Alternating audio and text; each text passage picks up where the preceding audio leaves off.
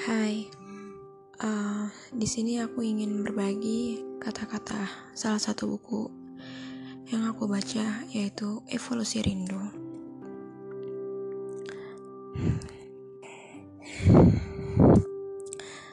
Hai, hmm, bagiku rindu adalah suatu perasaan gundah dan bahagia yang terjadi karena faktor jarak, kehilangan, dan kepergian.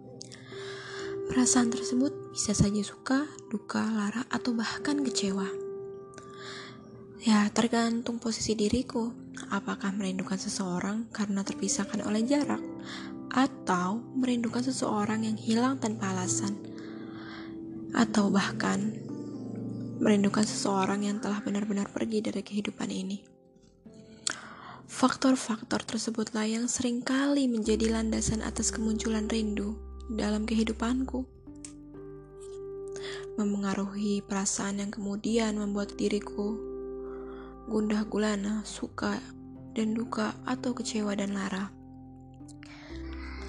Ya, pada diri manusia sesungguhnya memiliki rumah sakit sendiri-sendiri. Hal-hal yang berbau kesedihan dan kerinduan pun mampu sebenarnya untuk mereka obati. Hal yang menjadikan seseorang bertahan pada rasa sakit tersebut bukanlah dirinya, namun matinya rasa bangkit pada kehidupannya.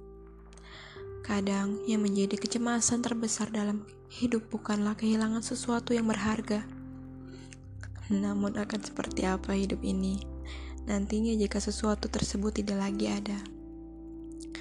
Sekalipun demikian, manusia diberi kekuatan untuk melawan, bangkit, dan mampu beranjak. Ya, karena apa pun yang tercipta di dunia ini pastilah punya cara penyelesaiannya masing-masing.